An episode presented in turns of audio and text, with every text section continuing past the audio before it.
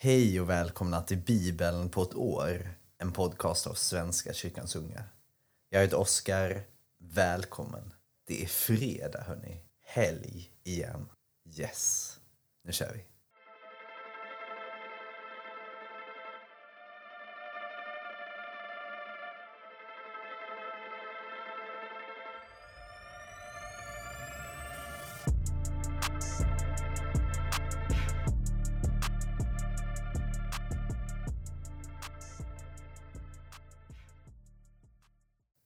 Gud för idag.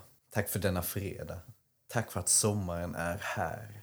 Tack för värmen, solen, glädjen, friden. Låt oss bli mer i harmoni med naturen, Gud. Och låt oss njuta av denna sommar. Nu när folk snart börjar gå på semester och ledighet och andra börjar sina sommarjobb. Men låt det bli en sommar fylld med bad och glädje.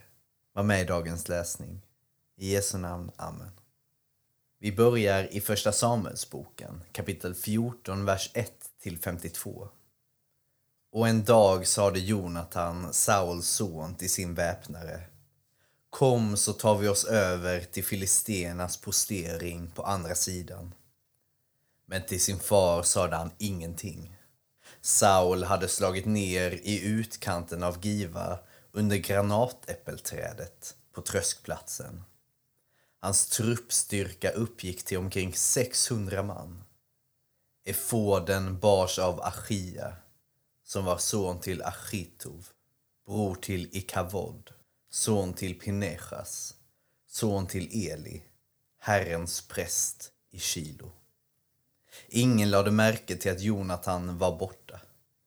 På ömse sidor om det pass som man måste ta sig igenom för att nå fram till den filisteiska posteringen låg två branta klippor som hette Boses och Sene. Den ena reste sig på nordsidan, närmast Mikmas. Den andra på sydsidan, närmast Geva.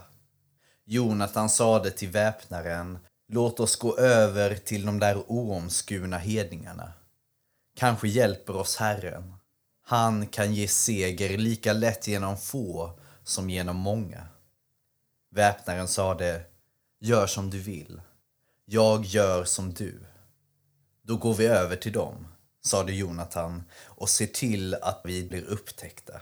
Om de då säger att vi inte ska röra oss förrän de hunnit ner till oss, så stannar vi där vi är och klättrar inte upp till dem. Men om de säger åt oss att komma upp, så gör vi det. För det är tecknet på att Herren har lämnat dem i vår hand.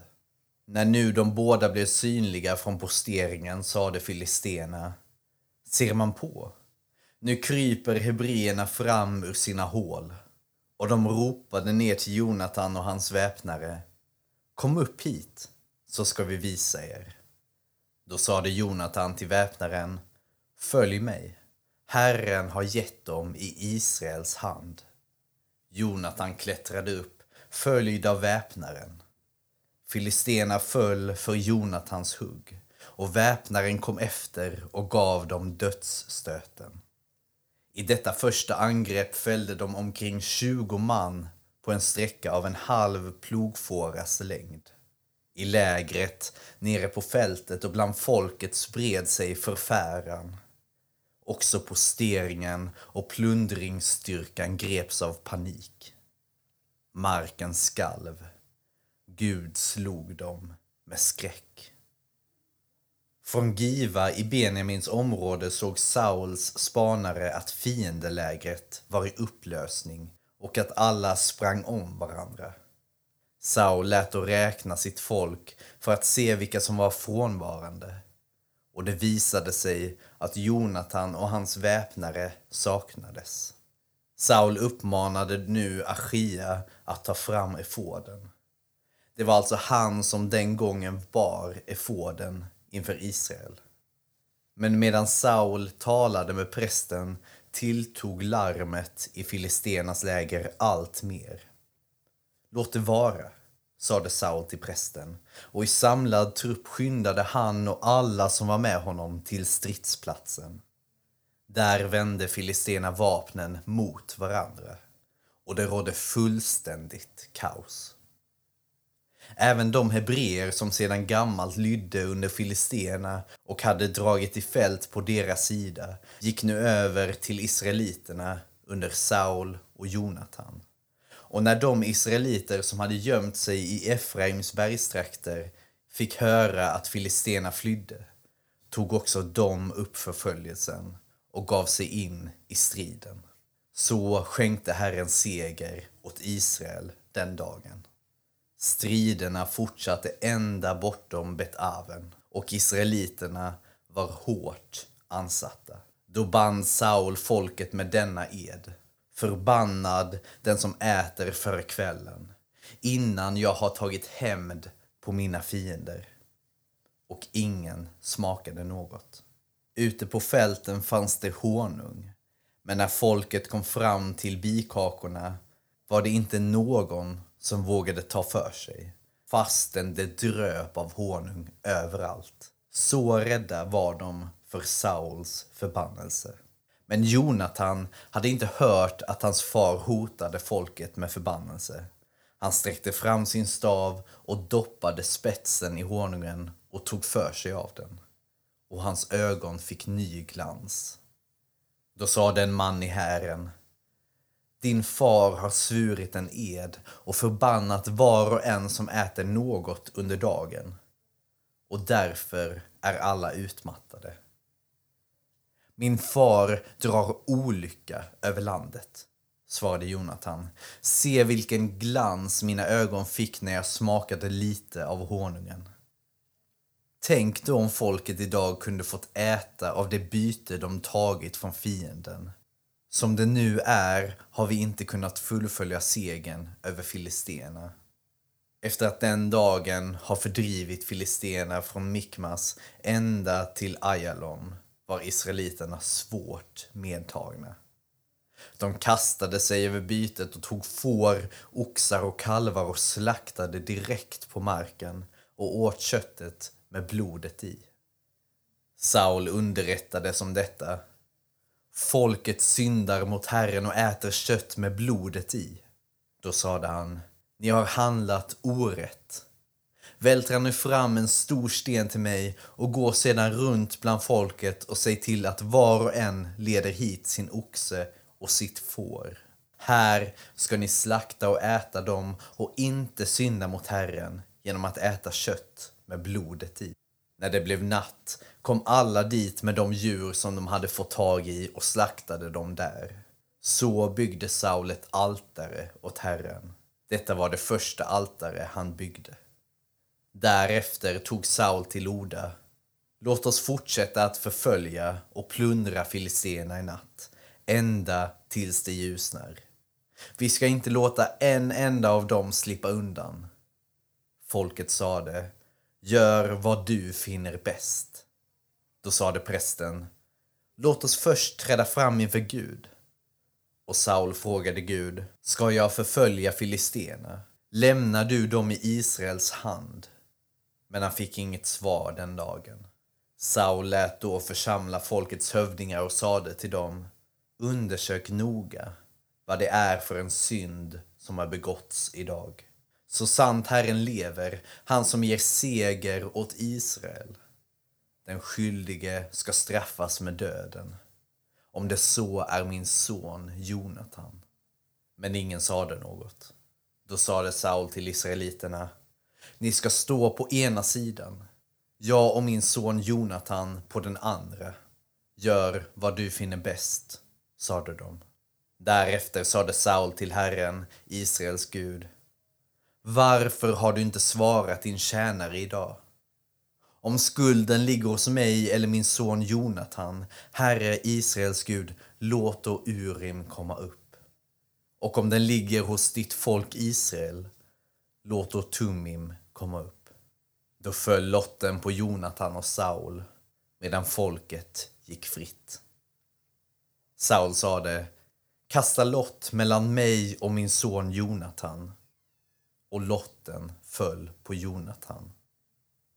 Tala om vad du har gjort, sade Saul. Och Jonatan svarade, Jag smakade en droppe honung från spetsen av min stav. Jag är beredd att dö. Saul svarade, Gud må straffa mig, nu och framgent, om jag bryter min ed.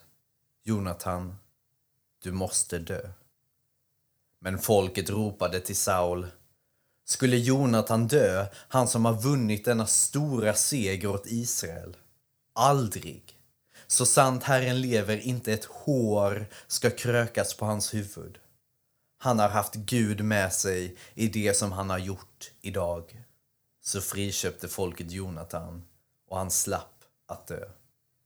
Saul drog sig tillbaka utan att förfölja filisterna och dessa återvände till sitt eget område. Sedan Saul hade kommit till makten i Israel förde han krig mot sina fiender i alla väderstreck. Mot Moab, Ammon och Edom. Mot kungen av Sova och mot filisterna. Och vart han vände sig hade han framgång.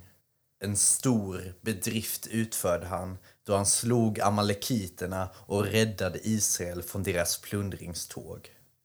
Sauls söner hette Jonathan, Jishio och Malkishua.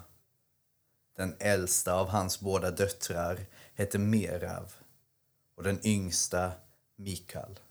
Sauls hustru hette Achinoam och var dotter till Achimaas. Befälhavaren för hans krigsmakt hette Avner och var son till hans farbror Ner. Kish, Sauls far och Ner Avners far var båda söner till Aviel.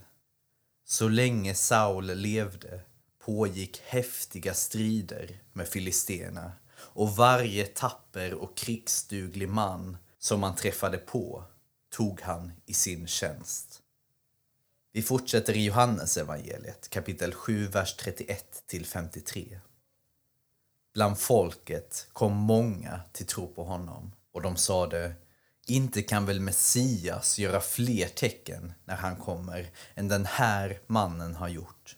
Fariseerna fick höra vad folket pratade om honom och översteprästerna och fariseerna skickade ut sina män för att gripa honom. Jesus sade, ännu en kort tid är jag hos er innan jag går till honom som har sänt mig. Ni kommer att söka efter mig men inte finna mig och där jag är dit kan ni inte komma.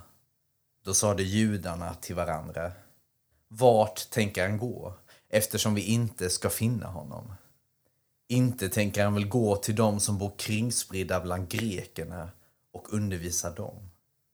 Vad menar han när han säger ni kommer att söka efter mig men inte finna mig och där jag är, dit kan ni inte komma? På högtidens sista och största dag ställde sig Jesus och ropade Är någon törstig?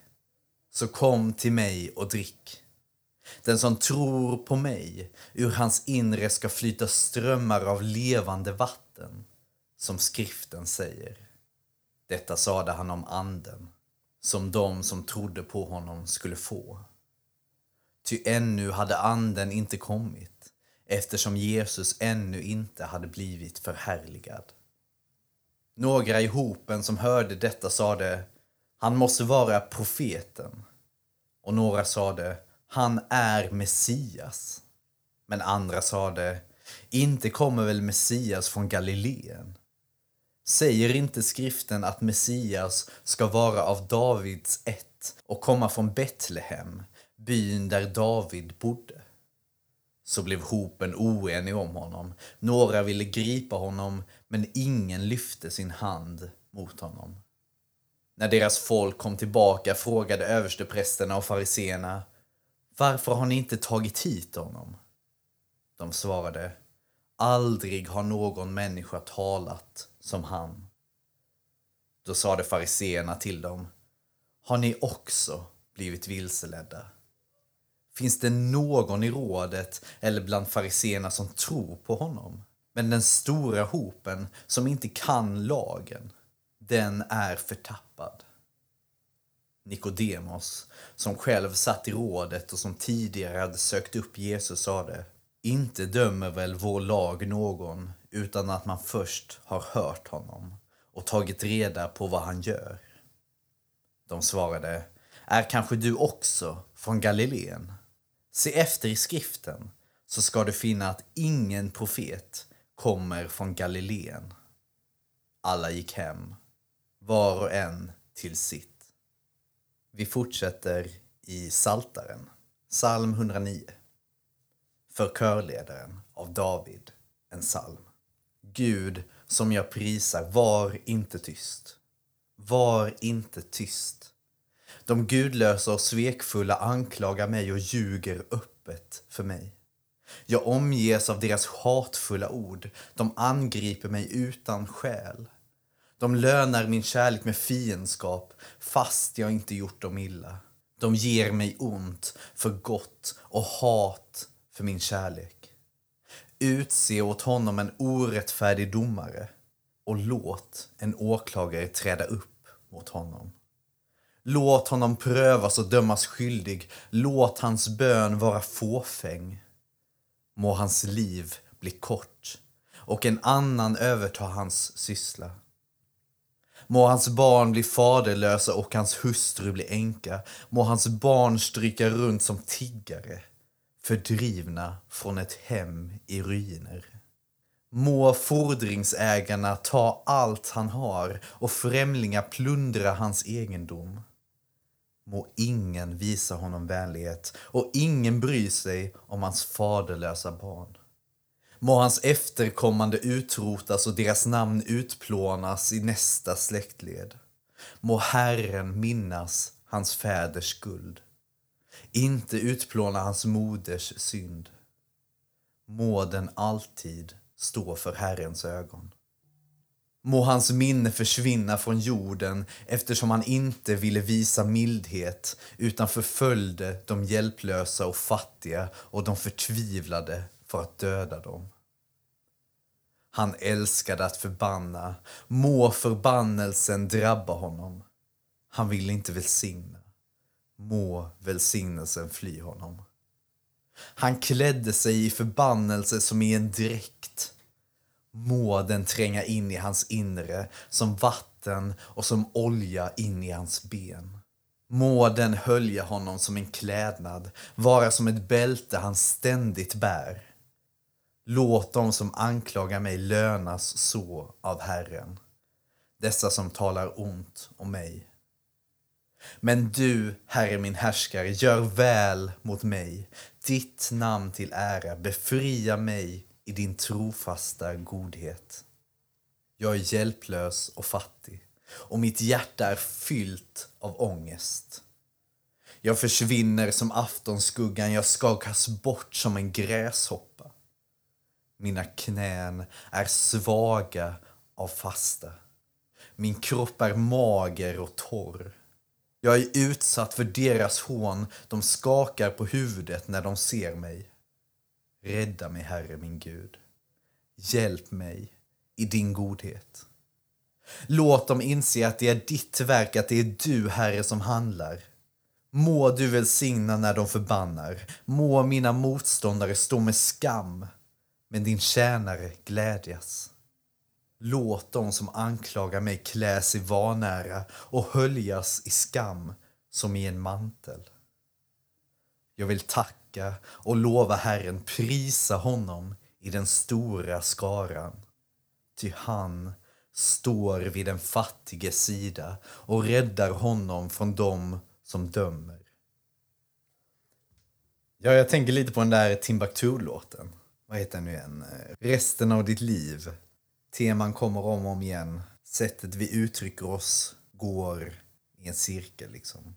Vi är samma människa som vi var för 2000 år sedan, för 3000 år sedan. Det är det jag också tänker på när jag läser i Bibeln att varför framställer vi ibland folk från förr som dumma? Det är inte som att folk var dumma förut för att de inte hade samma teknik som oss utan tänk på att de tänkte nog lika mycket som oss. Minst lika mycket. Nu i dessa tider förlitar vi oss alldeles för mycket på att andra hjälpmedel ska kunna hjälpa oss. Men där var man ju faktiskt tvungen att kunna själv. Vi fortsätter i Ordspråksboken där vi slutar för idag. Och vi avslutar då i kapitel 15, vers 5-7. Dåren förkastar sin fars fostran. Klok den som låter sig tuktas. I den rättfärdiges hus samlas rika skatter. Vad den onde tjänar förfars. Den vises ord sprider kunskap. Dårens tankar går vilse. Det var allt för idag, kära vänner. Tack för idag. Vi hörs och ses imorgon igen. Njut av fredagskvällen. Ha det fint. Hej då.